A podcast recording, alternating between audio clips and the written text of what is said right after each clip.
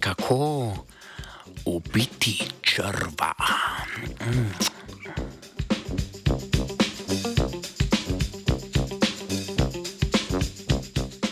Sodobno poljedelstvo pesti velik problem. Rastline imajo gliste. Gliste ali ogorčice, torej parazitski črvi iz debla nematoda, težav ne predstavljajo zgolj ljudem in živalim, temveč pogosto zajedajo tudi rastline, med drugim pomembne polščine, kot so krompir, pšenica in soja. Skupina raziskovalcev in raziskovalk iz Kanade in ZDA je v članku, objavljenem v reviji Nature, opisala skupino pesticidov, ki selektivno delujejo zgolj na gliste.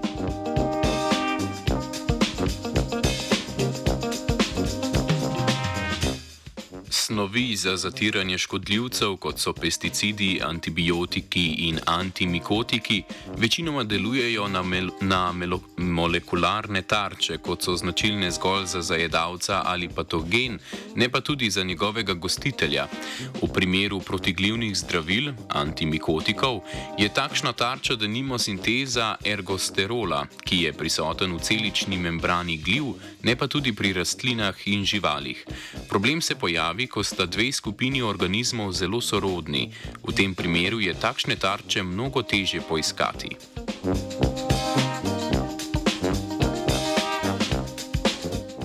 Ljudje in gliste smo praktično identični, vsaj z vidika molekularne biologije. Izdelava selektivnega nematocida, torej protiglistnega sredstva, ki ne bi škodovalo tudi ljudem ali drugim organizmom, je zato precej težavna. Tudi pri sami pridelavi polščin pri nas za uporabo nematocidov velja stroga zakonodaja. V preteklih letih je denimo Evropska unija zaradi potencijalne toksičnosti prepovedala uporabo večine nematocidov dostopnih na trgu.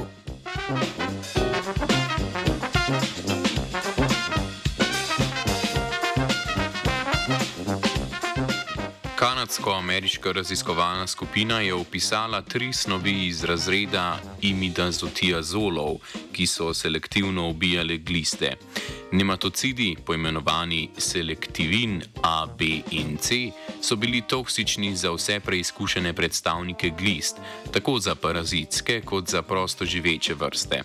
Nasprot, nasprotno pa pri primerljivi koncentraciji selektiv, selektivini niso imeli praktično nobenega učinka na gljive, ribe, žuželke in sesalce.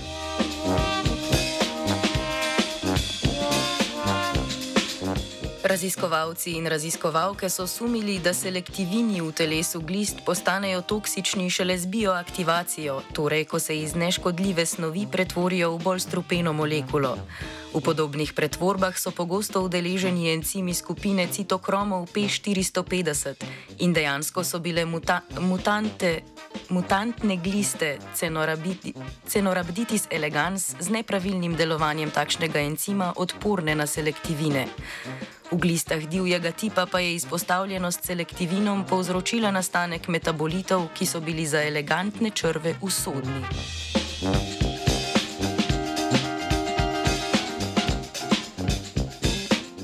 Encimski kompleks, ki omogoča pretvorbo selektivinov, sicer ni posebnost glist vendar se molekularni ustroj ostalih skupin živali očitno dovolj razlikuje od encimov ogorčic, da v njihovih telesih ne pride do pretvorbe v toksične metabolite.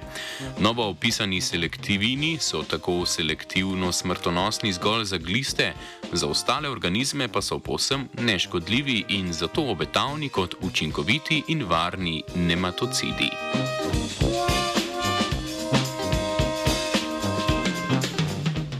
V današnjem zbritofu črviči bronijo.